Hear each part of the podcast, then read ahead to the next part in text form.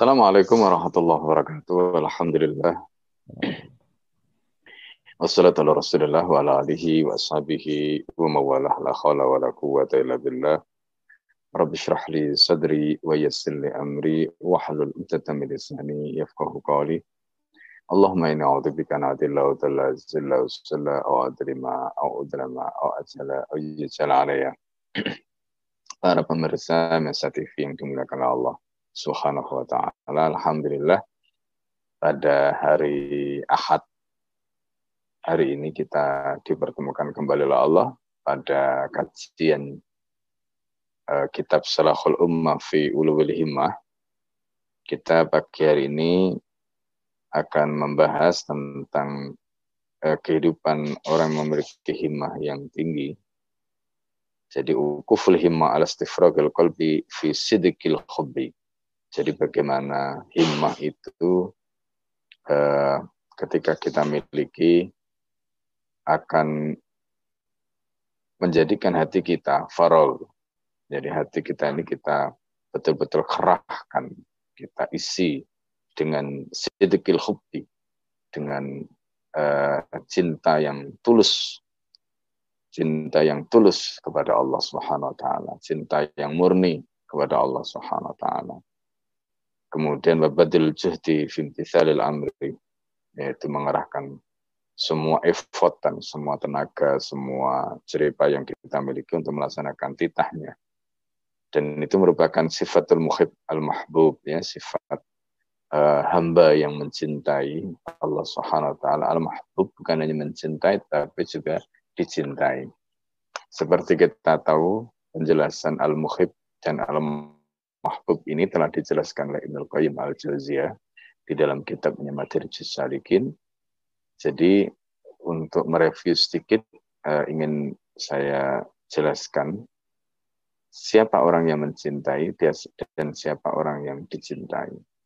Orang yang mencintai Allah itu adalah orang yang memiliki level melakukan ketaatan terhadap seluruh titah Allah. Jadi orang yang mencintai Allah adalah orang yang dia melaksanakan semua perintah Allah Kemudian yang kedua, dia meninggalkan semua larangan Allah. Itu yang disebut dengan orang yang mencintai Allah. Level yang kedua adalah orang yang dicintai oleh Allah. Nah, itu yang disebut dengan al-mahbub. Kalau yang pertama tadi adalah al-muhibbina lillah, yaitu orang yang mencintai Allah. Nah, sekarang ada al-mahbub minallah. Itu istilahnya. Al-mahbub minallah itu adalah orang yang dicintai. Dia bukan hanya mencintai Allah, tapi Allah juga membalas cintanya. Nah, kapan dia disebut sebagai al-mahbub min Allah, mendapatkan balasan cinta dari Allah dan dicintai oleh Allah. Nah, dalam hal ini Ibnu Kamal Jazia menjelaskan kalau orang itu bukan hanya melaksanakan yang wajib, meninggalkan yang haram, tapi dia sudah naik level, yaitu melaksanakan yang sunnah, melaksanakan yang sunnah atau nawafil. Kemudian meninggalkan yang haram, bukan hanya yang haram tetapi juga makruhat, perkara-perkara yang makruh. Nah, lebih hebat lagi kalau dia bisa uh, meninggalkan bukan hanya yang makruhat tetapi juga perkara-perkara yang uh, syubhat, perkara-perkara yang uh, mubah tetapi uh, bisa menyanyiakan waktunya, menyanyiakan uh, kesempatannya. Nah ini yang sudah kita bahas sebelumnya. Itu yang disebut dengan al-muhib al-mahbub. Di sini dijelaskan takallama al-imam Ibnu Qayyim al-Jazzi an anil martabah thamina min maratibil hayah. Jadi Ibnu Qayyim menjelaskan dalam hal ini tentang level ke-8 dari level kehidupan. Apa itu hayatul farah was surur? Yaitu eh, hidup atau kehidupan al-farah. Ya, farah ini adalah kesenangan. Ya, surur juga begitu. Ya, farah ke kebahagiaan, kesenangan. Wa qurratul aini billah. Ya, wa qurratul aini billah. Dan eh, mata berbinar artinya saking senangnya gitu, bergembira ya karena Allah Subhanahu wa taala. Nah, jadi maksudnya apa? Jadi dia senang, dia bahagia, kemudian matanya berseri-seri, itu bahasa Arab. Ya. Kalau menceritakan tentang kuratul ain itu menggambarkan tentang perasaan. Biasanya orang itu makanya uh, di dalam doa Rasulullah misalnya ketika mengajarkan kita doa tentang anak ya. Jadi supaya anak itu menjadi kuratain itu maksudnya anak itu menyenangkan hati, perasaan sehingga biasanya orang yang uh, matanya uh, berbinar senang karena hatinya senang itu gambarannya tampak pada matanya tadi. Ya, makanya di situ disebutkan qurratul aini. Nah, begitu juga orang yang mencintai Allah, orang yang senang, orang yang bahagia karena Allah. Ya, maka uh, meskipun tampak secara fisik atau secara zahir dia susah, tetapi Eh, mata kebahagiaan itu terpancar. Jadi tidak ada kesedihan. Nah ini kurratu ain billah. Ya, jadi senang karena Allah Subhanahu wa taala. Wahadil hayat kemudian beliau mengatakan faqala wahadil hayat itu innama takunu ba'da dhafar bil matlub. Kapan orang itu bisa senang, bisa bahagia, matanya bisa berseri-seri karena Allah Subhanahu wa taala Yaitu ketika dia hidup dan hidupnya tadi itu, kehidupan seperti itu, itu hanya didapatkan pada dhafar. Setelah dia mendapatkan kemenangan, dia mendapatkan kesuksesan. Dalam hal apa? Bil matlub. Terhadap perkara yang diminta oleh at-talib. Siapa Allah subhanahu wa ta'ala. Maka ketika kita misalnya contoh, bisa melaksanakan sholat rawatib. Melaksanakan sholat rawatib ini termasuk al-matlub, perkara yang diminta. Yaitu sholat rawatib apakah itu yang fardu, apakah yang sunnah, ya, sunnah rawatib misalnya. Itu ketika kita tunaikan, artinya al-matlub apa yang diminta oleh Allah tadi kita jalankan, berarti kita menunaikan yang fardu atau menunaikan yang sunnah tadi. Maka di situ ada rasa kebahagiaan, ada rasa senang. Nah, senang terhadap al-matlub ini artinya eh, kemudian terpancar di dalam apa namanya eh, mata kita, di dalam hati kita. Ya. Itu yang disebut dengan hayatul farah was surur wa qurratul aini billah. Jadi kehidupan hati, kehidupan rasa karena connecting rasa kita dengan Allah Subhanahu wa taala tadi. Ketika kita bisa menunaikan apa yang Allah titahkan, apakah yang wajib, apakah yang sunnah tadi, berarti di situ ada ad-dhafar matlub, ada kemenangan, ada kesuksesan untuk mewujudkan apa yang diminta. Coba bayangkan kalau apa yang diminta itu tidak kita lakukan. Misalnya sholat yang diperintahkan kita tidak kerjakan, perkara yang disunahkan eh, tidak kita laksanakan, maka berarti kita kalah, kita sebenarnya gagal. Nah, maka di sini digunakan istilah ad-dhafar bil matlub. Ya. Jadi kita sukses karena kita bisa mewujudkan apa yang diminta oleh Allah alladzi tukirru bu'ainu talibi. Nah, gitu. Yang eh, dengan apa yang kita lakukan tadi, yang diminta tadi itu, itu menjadikan Allah Subhanahu wa taala senang melihat kita. Nah, jadi meskipun perkara itu mungkin susah. Jadi kalau kita bayangkan eh, bangun tengah malam misalnya ya, bangun tengah malam ketika orang lain tidur, apalagi menghabiskan waktu malamnya seperti dalam Al-Quran, Allah perintahkan pada Nabi kumil laila illa qalila. Nisfahu awin kusminhu. Jadi kumil laila illa qalila. Bangun malam. Ini ketika Allah perintahkan begitu, kumil laila. Bangunlah al-laila. Atau apa namanya, gunakanlah waktu malam itu untuk uh, bangun mendekat. Waktu malam itu adalah waktu khalwah, waktu menyendiri, waktu munajat. Ya, coba bayangkan ketika Allah perintahkan itu di tengah malam, ketika yang lain tidur, maka hamba-hamba pilihan yang bisa memenuhi panggilan tadi. Maka di waktu khalwah, di waktu kita menyendiri dengan Allah, itulah tempat yang paling, itulah momen yang paling sahdu, itu adalah momen yang paling luar biasa. Nah, kemudian kita berhasil melakukan itu. Maka itu disebut hayatul farah was surur wa qurratul aini billah. Jadi Allah sendiri menyaksikan hambanya, Masya Allah, ini luar biasa ini. Ya kan? Luar biasa ini hamba yang satu ini. tengah malam ketika yang lain tidur dia bangun memenuhi titahku gitu. Maka Allah Subhanahu wa taala turun ke langit bumi menyaksikan siapa hambanya yang bangun di malam itu mengetuk pintunya. Nah, ini ada al-farah. Ya. Suatu ketika Imam Ahmad pernah ditanya oleh putranya. Ya. Pertanyaannya mata tadi. Karena Imam Ahmad ibadahnya Masya Allah. Ya, konon sampai seribu rakaat di malam hari ya waktunya banyak dihabiskan untuk munajat pada Allah Subhanahu wa taala. Putranya bertanya, "Mata besar, kapan uh, engkau akan istirahat?"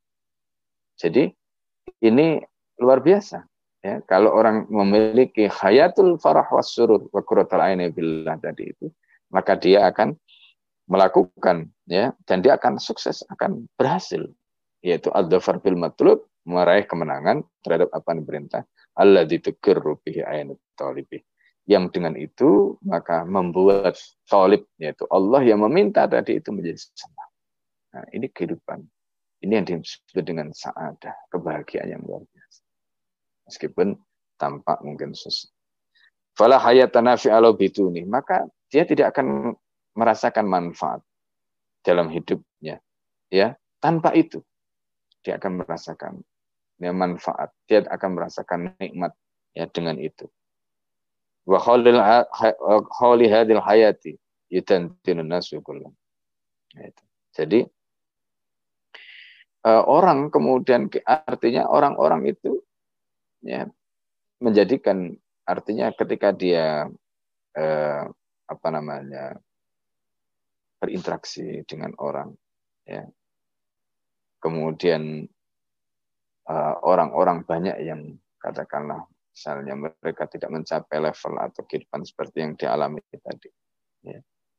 Nah, ini kebanyakan orang memang, tetapi orang-orang yang memiliki hurbah, ya, keterasingan, dan dia termasuk hurib tadi itu, ya, di tengah orang-orang kebanyakan, atau bahkan di tengah orang-orang yang uh, mendekatkan diri kepada Allah. Ini termasuk orang yang memiliki himalaya, yang dia bisa melihat apa yang orang lain tidak bisa lihat.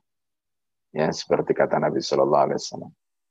Ya jadi Nabi pernah mengatakan laur itu marah itu kalau seandainya kalian bisa melihat apa yang aku lihat ya apa kata Nabi? Apa kata kasiran ya kamu pasti akan banyak menangis. Waladhiktum qalilan. Dan kamu akan uh, sedikit tertawa. Jadi karena dia bisa menyaksikan apa yang uh, tampak oleh mata batin yang tidak bisa dilihat oleh orang biasa. Pandangan tentang Allah, pandangan tentang mughayyabat, pandangan tentang akhirat, termasuk titah-titah Allah yang mungkin banyak dilanggar. Hari ini kita menyaksikan bagaimana dunia seperti yang kita lihat hari ini. Jadi hanya orang-orang yang memiliki ketajaman mata batin yang bisa melihat bagaimana kerusakan yang terjadi, bagaimana bala, bagaimana musibah, bagaimana apa namanya wabak ditimpakan oleh Allah karena kerusakan dunia yang begitu luar biasa.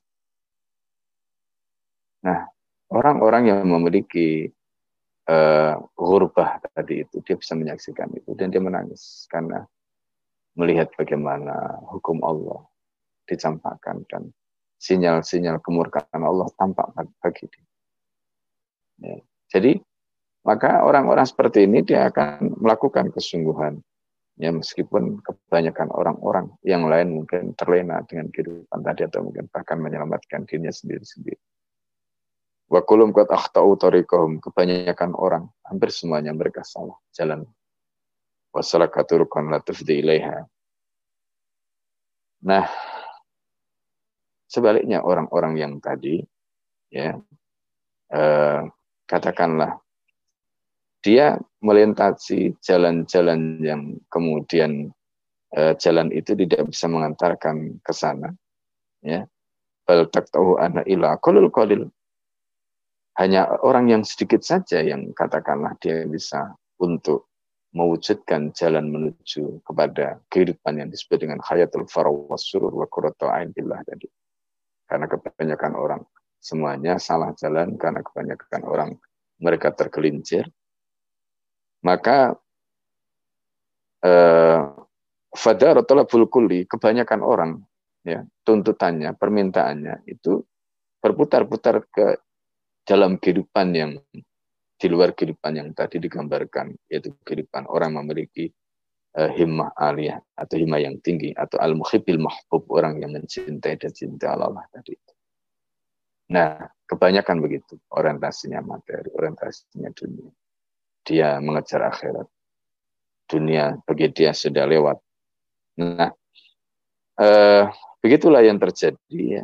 Begitulah yang terjadi Nah, karena itu pertanyaannya kemudian kenapa ya orang-orang kebanyakan tadi itu mengalami kehidupan seperti itu. Wasababu khirmani ya.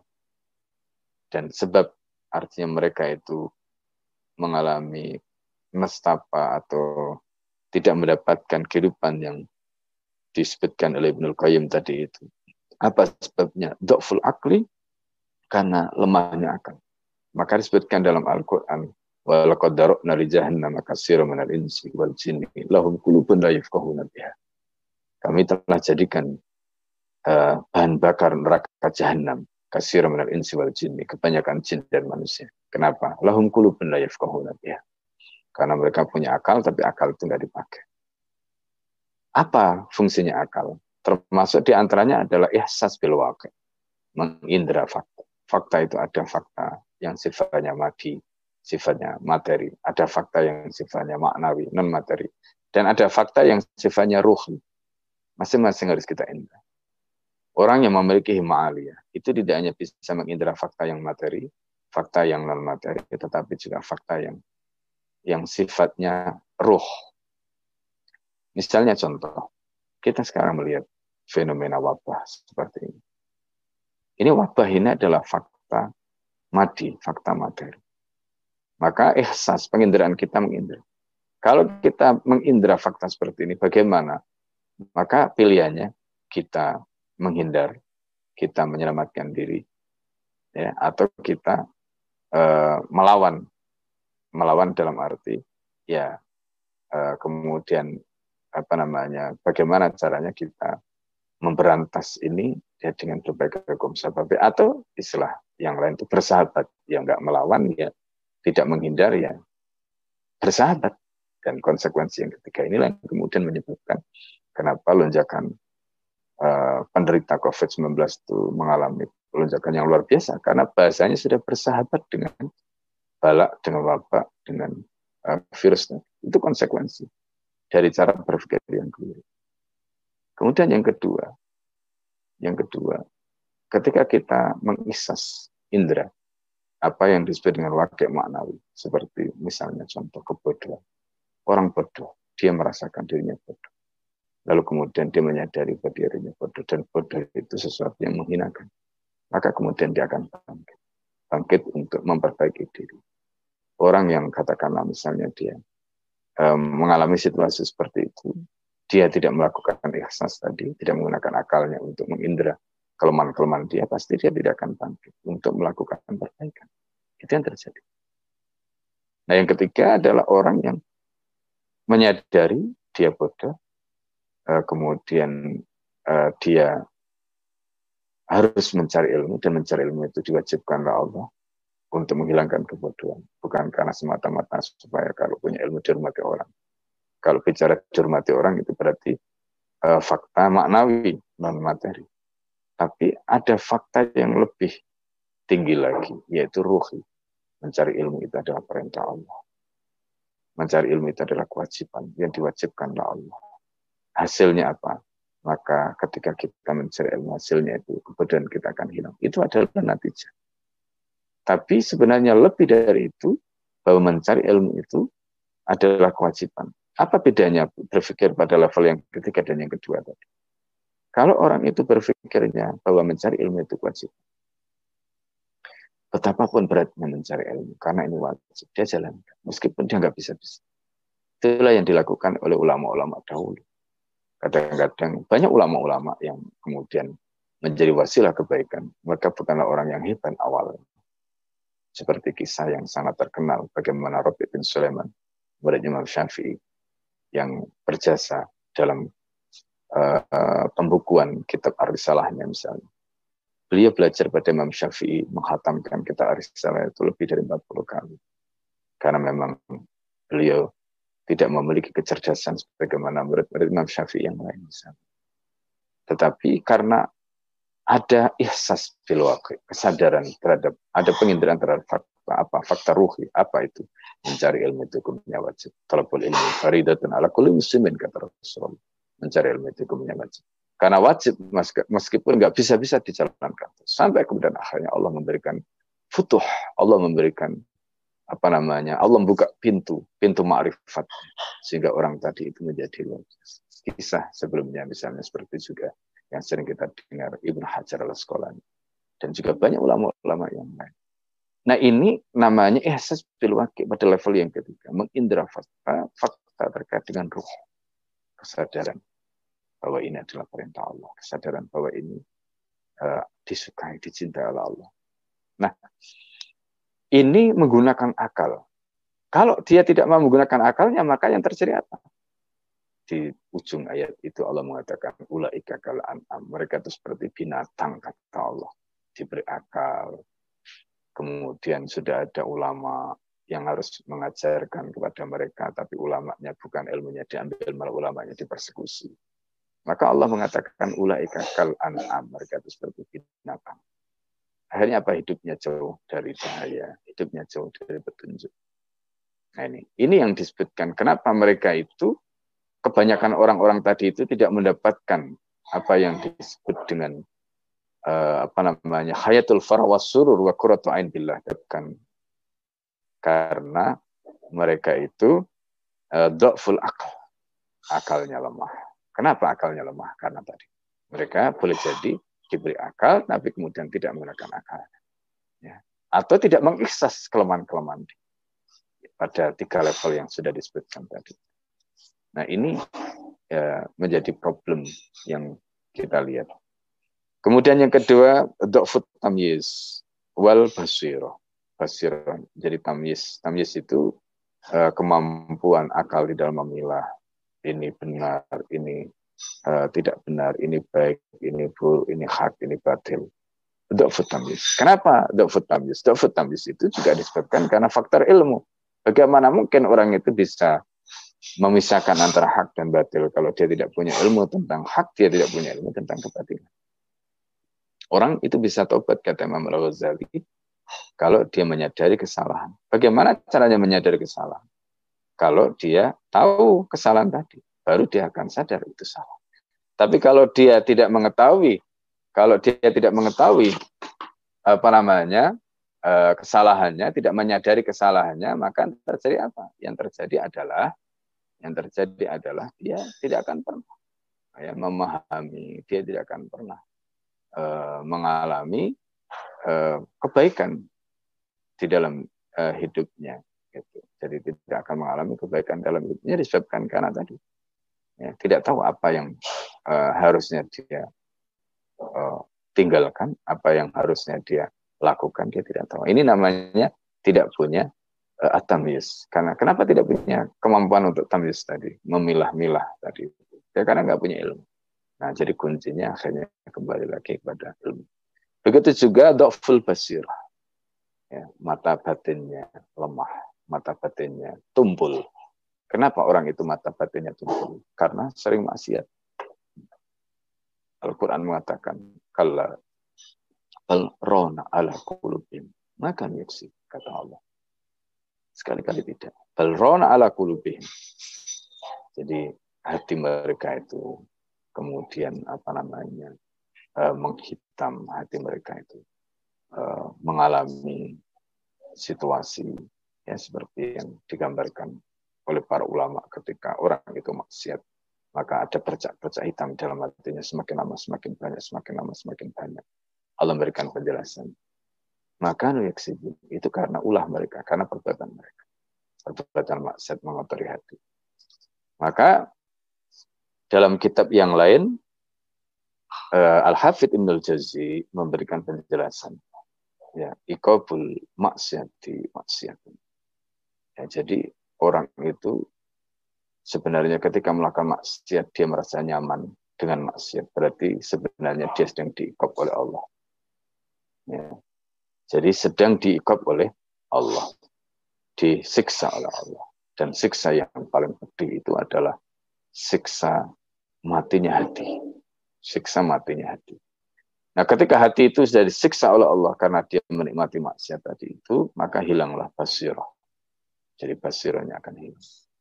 Maka ketika dia melihat keadaan, dia tidak pernah terbersih, dia tidak pernah terdorong, dia tidak pernah termotivasi untuk melakukan kebaikan, untuk meninggalkan kebaikan. Karena basirahnya sudah mati tadi. Kemudian wadak full himmati wal Orang itu himmahnya lemah, irodahnya juga lemah. Himmahnya tadi, idealisme lemah, kemudian keinginannya untuk melakukan kebaikan juga lemah. Nah inilah gambaran. ya. Jadi inilah gambaran yang digambarkan oleh uh, Ibnu Qayyim al-Jauziyah. Maka beliau mengatakan wal basiratu kal basar. Jadi mata batin itu seperti mata dohir ya kalbasor seperti mata dohir mata dohir itu kadang-kadang ketika kita melihat ada kalanya yang mulai dari yang buta sampai kemudian rabun sampai kemudian yang bisa melihat remang-remang dan ada yang melihat terang benderang nah, itu gradasi mata batin. Itu seperti mata dohir. Jadi mata batin manusia itu juga mengalami gradasi seperti mata dohir. Kalau mata dohir tadi itu mulai dari yang buta, kemudian yang uh, apa namanya sampai katakanlah rabun, sampai kemudian eh, remang-remang, sampai kemudian ada yang bisa melihat dengan jelas terang benderang. Begitu juga mata batin. Seperti itu kata Ibnu Qayyim al-Jauziyah. Al-basiratu kal basar. Jadi mata batin itu seperti basar, dia bisa mengalami gradasi seperti mata mata dohir tadi itu. Karena itu fa'in takut asyar ila hayatin ghara ma'hudnya bin amwatil ahya. Fal yumkinuka wasfu tariqiha li asila ila syai'in min. Jika Anda bertanya, Anda telah menunjukkan kepada kehidupan yang tidak lazim di antara mereka yang apa namanya mati, artinya orang-orang hidup tapi pada dasarnya mereka mati. Yaitu tadi orang-orang yang kebanyakan. Wa in tuti aksar man fil ardi Kata Allah, kalau kamu taati kebanyakan orang, mereka akan menyesatkan kamu. Nah ini, mereka akan menyesatkan kamu. Nah ini yang disebutkan tadi itu amwaul am, amwatul ahya. Jadi orang hidup tapi pada dasarnya mereka mati. Karena mereka jauh dari nur, jauh dari cahaya. Allah menyebut nur itu cuma satu mufrad karena cahaya itu hanya satu dari Allah. Tapi dulumat itu dengan jamak karena banyak sekali kegelapan-kegelapan yang ada di luar sana. Sumber nur itu hanya Allah. Sumber cahaya itu hanya Allah. Nah, ini yang harus kita pahami. Nah, karena itu eh, kemudian beliau menjelaskan di sini ya terkait dengan bagaimana caranya agar kita bisa mendapatkan kehidupan uh, seperti yang digambarkan tadi hayatul farah wasurur wa qurratul ain billah di tengah manusia-manusia yang mati dalam kehidupan ini uh, meskipun mereka sebenarnya hidup maka beliau mengatakan fa'awwalu tariqiha jalan yang pertama adalah anta'rifallah wa tahtadi ilaihi tariqan yuwassiluka ilaihi yang pertama Anda harus ma'rifat, mengenal Allah. Bagaimana caranya kita mengenal Allah? Maka jalan menuju keimanan kepada Allah itu harus benar. Dibangun dengan nalar yang benar. Bagaimana caranya supaya benar? Maka kita harus menemukan batasan akal. Mana yang bisa dijangkau dengan akal, mana yang tidak bisa dijangkau dengan akal, kita harus paham. Nah ini dibahas di dalam pembahasan Torikul Iman. Nah, ketika kita sudah menemukan Allah, dan sampai pada kesimpulan Allah hakikatul malmusun wujuduha walaysat fikrah mutakhayyalah fil adhan. Allah itu adalah dat yang ada, yang hakiki, bukan bukan hanya imajinasi, bukan hanya khayalan yang dikhayalkan di dalam benak manusia tidak. Allah itu ada meskipun kita tidak memikirkan. Allah itu ada meskipun kita memikirkan. Artinya mau kita pikirkan atau tidak kita pikirkan, Allah itu selalu ada. Itu yang disebut dengan Allah hakikatun. Allah adalah zat yang hakik. Wal musun wujud yang keberadaannya itu bisa kita rasakan. kita bisa merasakan ketika kita bangun tidur, kaki kita bisa kita gerakkan, tangan kita bisa kita gerakkan, mulut kita bisa kita gerakkan, mata kita kita bisa pakai. Semua itu pertanyaan dari mana kita mendapatkan semuanya. Sementara di satu sisi ada teman kita bangun tidur mati. Orang lain mati. Atau mungkin tidak mati, tangannya tidak bisa gerakkan, kakinya tidak bisa digerakkan. Mulutnya tidak bisa digerakkan karena mungkin dia tiba-tiba stroke. Saudara-saudara sekalian yang dimuliakan Allah, ini yang harus kita sadari. Maka ketika kita bangun tidur, Allah mengajarkan doa melalui Rasulullah. Alhamdulillahilladzi. Segala puji bagi zat ahyana yang telah menghidupkan kami. Ya, Alhamdulillahilladzi ahyana ba'da ma'amatana setelah dia mewafatkan kami. Wa ilai nusyur dan kepadanya. Ya, kita akan kembali. Kita akan dikumpulkan. Kita akan dipertemukan. Kita akan diminta bertanggung Masya Allah. Ini doa. Menyadari bahwa hidup dan mati itu Allah. Bahwa kita sekarang setelah bangun tidur itu bisa hidup lagi itu karena Allah. Malmus wujud Kita merasakan adanya Allah begitu dekat. Ya. Bahkan akrab min hablil warid lebih dekat ketimbang urat nadi kita. Kalau kita sudah bisa ma'rifat seperti itu, dan kita merasakan bahwa Allah itu labil mirsad, inna rabbaka labil mirsad, dan kamu itu selalu mengintai kamu. Kita merasakan eksistensinya, kita merasakan keberadaannya. Maka ya Anda setelah mengetahui Allah wa tahtati ilaihi tariqan yuwassiluka ilaih dan Anda mendapatkan petunjuk jalan yang bisa mengantarkan Anda kepada Allah. Maka wa yahriqa dulumati tab'i fi asyiatil basirah. Ya. Jalan itu juga akan bisa membakar kegelapan-kegelapan. Ya. Eh, apa itu? Kegelapan tabiat atau karakter. Jadi karakter-karakter gelap ya seperti misalnya eh, apa namanya malas, putus asa. Pokoknya sifat-sifat yang gelap, sifat-sifat yang buruk itu akan dibakar dengan makrifat kepada Allah. Ya, karena ada kesadaran kita punya hubungan dengan Allah. Bi asyiatil basirah karena ada cahaya dari basirah mata batin tadi itu. Fayakumu biqalbi syahidin min syawahidil akhirah. Maka dengan hatinya dia akan bisa apa namanya eh, melihat ya min syawahidil akhirat pemandangan-pemandangan akhirat dia membayangkan bagaimana neraka. Dia membayangkan bagaimana pedihnya adab bagaimana jangankan sampai ke sana. Mungkin di yaumil mahsyar saja dia membayangkan bagaimana beratnya yang hisab bagaimana beratnya ya satu hari di sana misalnya uh, ka alfi sanatin seperti seribu tahun dalam hitungan kamu. Satu hari di akhirat sama dengan seribu tahun di dunia. Bayangkan kalau kita katakanlah diberikan umur oleh Allah setelah balik, katakanlah misalnya 20 tahun, 30 tahun setelah kita balik, atau 40 tahun setelah kita balik, kita kalikan seribu. Berapa? 40 ribu tahun. 40 ribu tahun. Itu kalau kita antri satu orang karena ditanya satu-satu. Walau kau muna furoda kama awal marah kalian nanti akan menghadap padaku satu-satu. Kama khalaqnakum awwala marrah seperti kami ciptakan kalian satu-satu. Pada saat kita lahir kembar pun kita akan menghadap pada Allah satu-satu. Yaumatu sarair pada hari itu semua rahasia kita dibuka oleh Allah.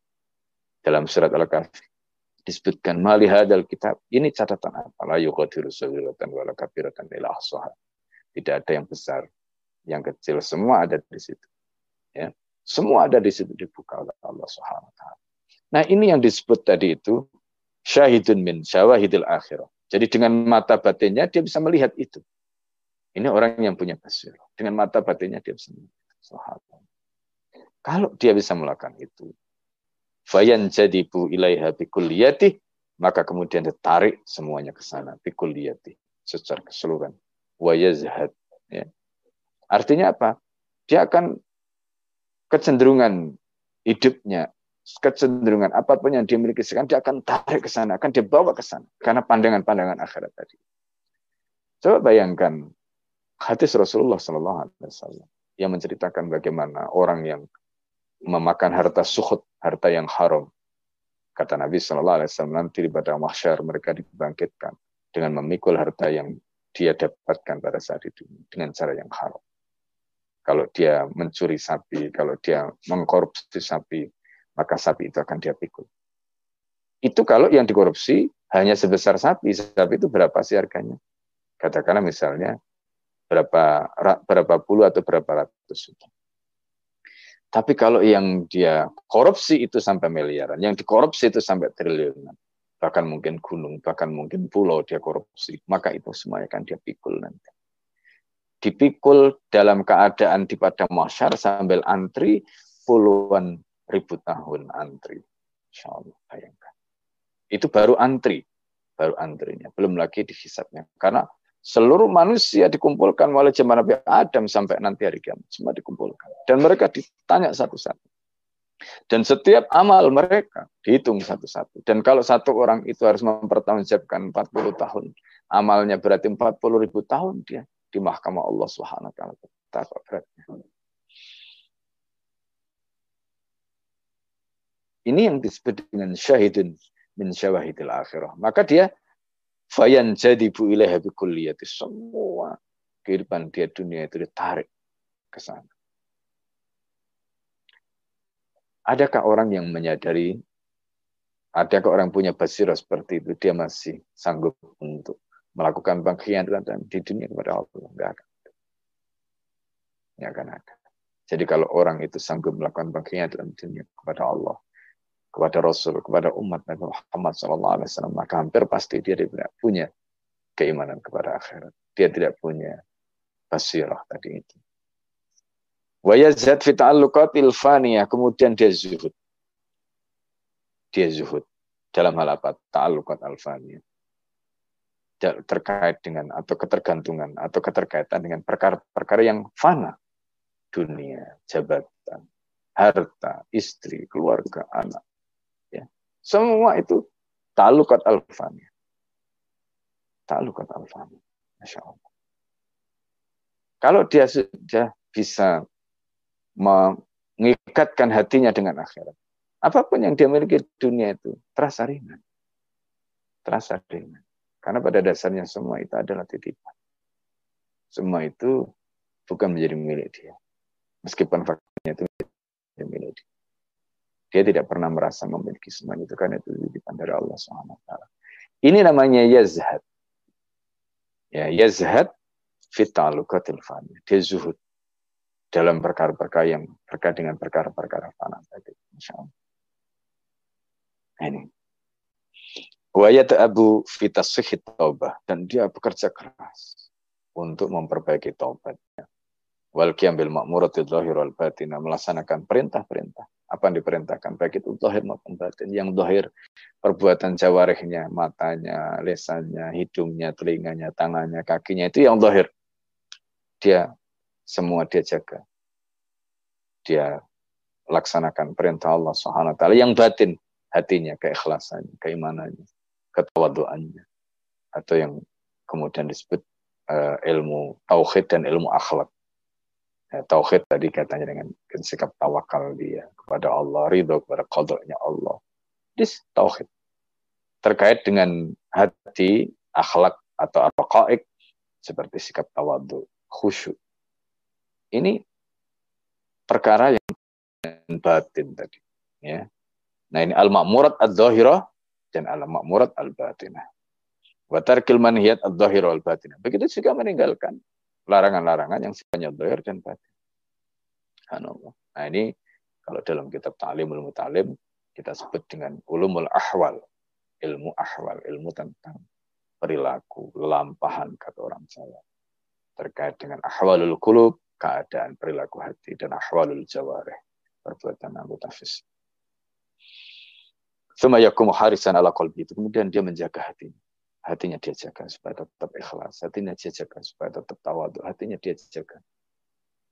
Dia boleh karena tidak ada ta'alluq faniyah tadi, tidak ada hatinya itu dilepaskan dari perkara-perkara fana tadi.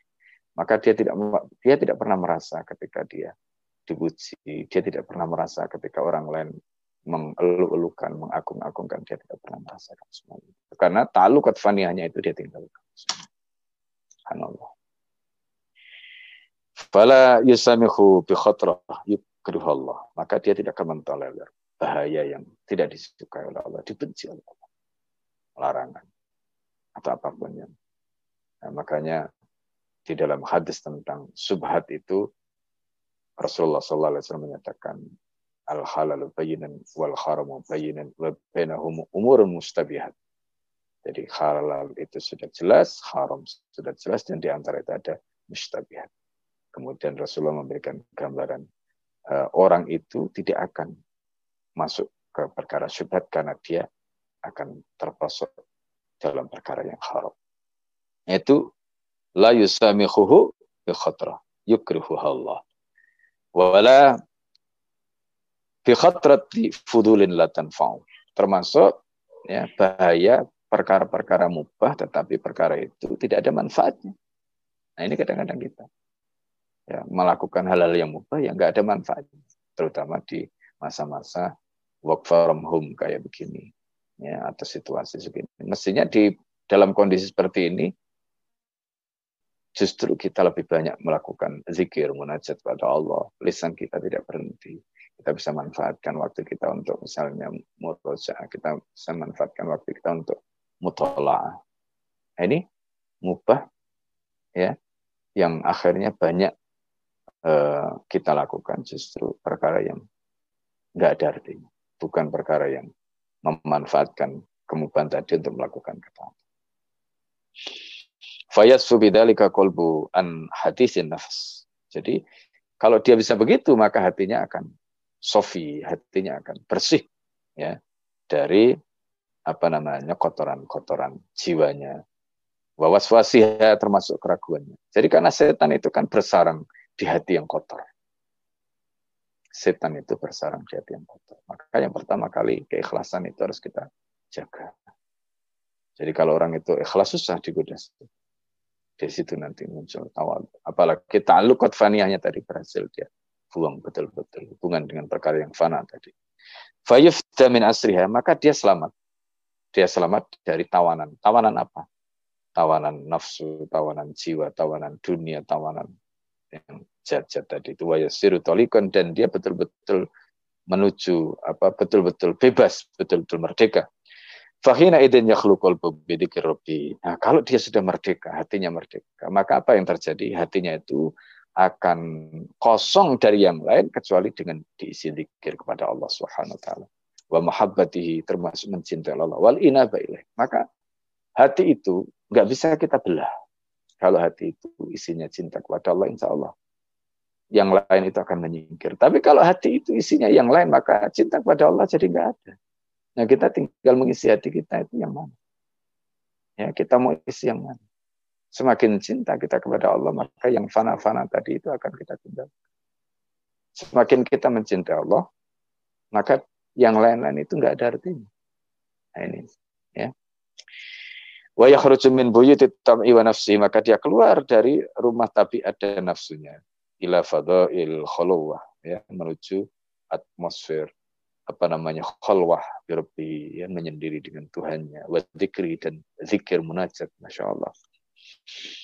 Kata sebagaimana ungkapan wa akhruju min bainil buyuti dan aku keluar di antara rumah-rumah itu. La'allani uhaddithu anka nafsa fisri khaliyan supaya aku bisa menceritakan ya tentang apa namanya fisri kholian dalam kesendirian ya fisri dalam kesendirian dalam kesembunyian kholian ya sedang berkhalwat kepada Allah Subhanahu wa taala insyaallah. Fakhina idin yastami qalbu wa khawatir wa khadisu nafsi la Ketika itulah maka hati, kemudian pikiran kita, apa yang terbersih itu itu menyatu dengan apa yang Allah Subhanahu wa taala inginkan. Ya, wa talabihi termasuk apa yang Allah minta. Wa syauq ilaihi dan kerinduan pada Allah Subhanahu wa taala. Subhanallah. Maka seperti dalam hadis qudsi, kalau orang itu sudah dicintai oleh Allah penglihatannya, kata Allah, akulah menjadi penglihatan yang dia gunakan untuk melihat. Tajam sekali penglihatannya dia punya. Masya Allah, yang luar biasa. Dia apa namanya mendengar dengan menggunakan pendengaran Allah. Nah ini orang-orang yang memiliki kedekatan dengan Allah yang begitu luar biasa. Ya, berarti levelnya tadi sudah naik bukan hanya level mukhid, mencintai, tapi sudah level dicintai oleh Allah Subhanahu. Saya kira itu uh, yang kita bisa bahas ya, bagaimana kehidupan orang yang disebutkan Ibnu Qayyim tadi pada level yang ke-8 yaitu hayatul farah was surur Jadi kehidupan uh, orang-orang yang senang bahagia dan uh, hidupnya itu apa namanya senang karena melihat Allah Subhanahu wa taala mencintainya. Ya, dan seperti tadi kita sudah lihat ya, cara yang pertama yaitu dengan marifat kepada Allah, mengetahui jalannya dan dengan itu jalan-jalan kegelapan yang lain yang akan bisa menghalangi ke sana tadi itu dibakar semuanya ya dan tadi kita sudah singgung apa yang menghalangi orang itu untuk bisa mendapatkan itu? Di antaranya adalah dhaful akli wa tamyizi wal basirati wa dhafil himmati wal iradah nah itu, nah itu yang harus kita makanya akal supaya akalnya kuat bagaimana supaya punya kemampuan memilah-milah tadi bagaimana supaya kuncinya belajar. Belajar apa? Ulumul ahwal tadi, ilmu tentang ahwal. Ahwalul kulub ya, dan ahwalul jawarih. Dan ini hukumnya fardu ain bagi kita semua. Saya kira itu. Tafadhal. Saya persilakan kepada Ustaz Ahmad. Pada tafadhal. Masya Allah, Alhamdulillah, uh, sahabat MSATP yang dirahmati Allah. Uh, kajian kali ini uh, insya Allah akan meningkatkan keimanan kita ya jadi kita akan mengukur diri apakah kemudian kita sudah betul-betul mengenal Allah Subhanahu wa taala? Apakah kita betul-betul sudah mencintai Allah Subhanahu wa taala? Ya, bagaimana kemudian ciri-ciri orang yang ma'rifatullah tadi dia bisa melihat ya eh, bagaimana ketika melakukan suatu amal dia akan memikirkan akhirat. Apakah kemudian ketika melakukan amal yang baik ya dia tidak akan kemudian merasa merugi dengan amalan yang dilakukan ketika melakukan infak atau melakukan wakaf atau menghabiskan waktu untuk beribadah, menghabiskan waktu untuk belajar, maka tentu orang yang memiliki ma'rifatullah dia akan merasa itu sebagai satu amalan yang harus dilakukan dan membahagiakan dirinya. Tentu berbeda ketika kita ingin melakukan kemaksiatan, maka kita teringat dengan siksaan Allah, azab Allah yang senantiasa akan menanti kita di akhirat nanti. Dan mudah-mudahan dengan itu, itu akan mencegah kita untuk melakukan kemaksiatan. Maka wahai kaum muslimin, kemudian juga para uh, pejabat, ya penguasa-penguasa yang saat ini me, me, diberikan, diberikan amanah oleh Allah, maka jauhilah uh, korupsi tadi, perbuatan korupsi, perbuatan yang menzolimi rakyat, ingatlah akan akhirat, ingatlah balasan yang akan ditimpakan oleh Allah kepada orang-orang yang zalim dan juga merugikan uh, rakyat ini. Baik sahabat M1 yang dirahmati Allah, ini di chat room banyak doa-doa yang disampaikan oleh para peserta, sahabat sekalian. Eh, agar diberikan petunjuk oleh Allah, kemudian uh, uh, diberikan pencerahannya, alhamdulillah, terima kasih banyak dan seterusnya. Namun sepertinya belum ada pertanyaan dari jemaah dan dari sahabat yang saya sekalian.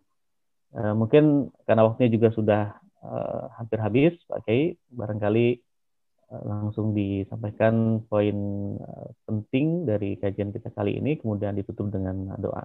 Kualitas masyarakat. Ya, kita tadi membahas tentang kehidupan hati, jadi kehidupan orang yang memiliki hima yang tinggi. Maka eh, kehidupan yang kita bahas tadi itu adalah hayatul farah, wasurur, wakuratil aini billah.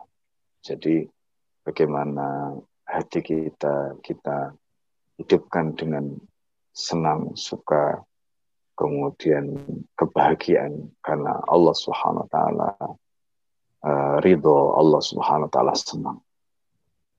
Jadi ibaratnya kita sekarang hidup itu untuk menyenangkan Allah, bukan menyenangkan diri kita. Menyenangkan Allah. Karena kita ini adalah hambanya Allah. Dan itulah yang tadi kita sudah bicarakan di tengah orang-orang yang hidup yang sebenarnya mereka mati. Kenapa? Karena hidup mereka tidak artinya, tidak ada artinya di mata Allah Subhanahu wa taala. Maka orang-orang inilah yang sebelumnya kita bahas sebagai ghurba, orang-orang asing.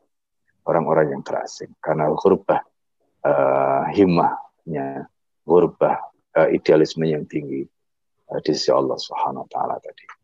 Nah, karena itu tadi kita sudah bicarakan uh, meskipun kebanyakan seperti itu dan kenapa manusia banyak seperti itu disebabkan karena faktor-faktor yang terkait dengan dhaful akli tadi karena akalnya lemah seperti disebutkan dalam Al-Quran wa in tuti aksar mabulali yudillukan sabili kalau mereka kamu taati kebanyakan orang di muka bumi itu pasti mereka akan menyesatkan kamu dari jalan Allah nah ini yang kita diingatkan karena itu faktor lemahnya akal, fit tamyiz, faktor lemahnya kemampuan memilah-milah hak batil, termasuk basirah tadi itu. Kemudian dhaful himma wal iroda. Itu harus kita hilangkan, harus kita kikis. Bagaimana cara menghilangkannya? Tentu dengan cara belajar. Belajar apa? Ilmu. Ilmu apa? Ilmu tentang ahwal tadi. Perilaku hati, kemudian perilaku terkait dengan anggota tubuh kita. Itu ada ilmunya semuanya. Dan itu hukumnya fardu ain untuk kita pelajari.